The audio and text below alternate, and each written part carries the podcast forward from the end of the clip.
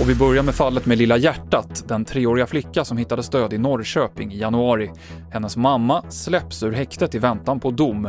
Tingsrätten har tidigare kommit fram till att kvinnan vållat sin dotters död av oaktsamhet, men att hon inte ska dömas för mord. Vi hör kvinnans advokat Per Öme som säger att man väntar på mer underlag för att se vad hon kan få för dom. Och då har man gjort en stor sinnesundersökning som ledde till att hon inte led av allvarlig psykisk störning, varken vid undersökningen eller vid gärningen.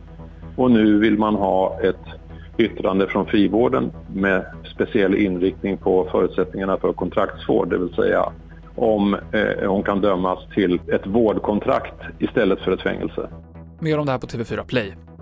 Och vi går vidare med coronarapportering. Under det senaste dygnet har ytterligare 35 personer med covid-19 rapporterats döda i landet. Det totala antalet avlidna i Sverige uppgår därmed till 5 482 personer. Och Katalonien blir första region i Spanien att införa krav på munskydd på alla allmänna platser. Hittills i Spanien har det bara varit sånt här krav när det inte går att hålla avstånd på en och en halv meter. Det här var TV4 Nyheterna med Mikael Klintevall.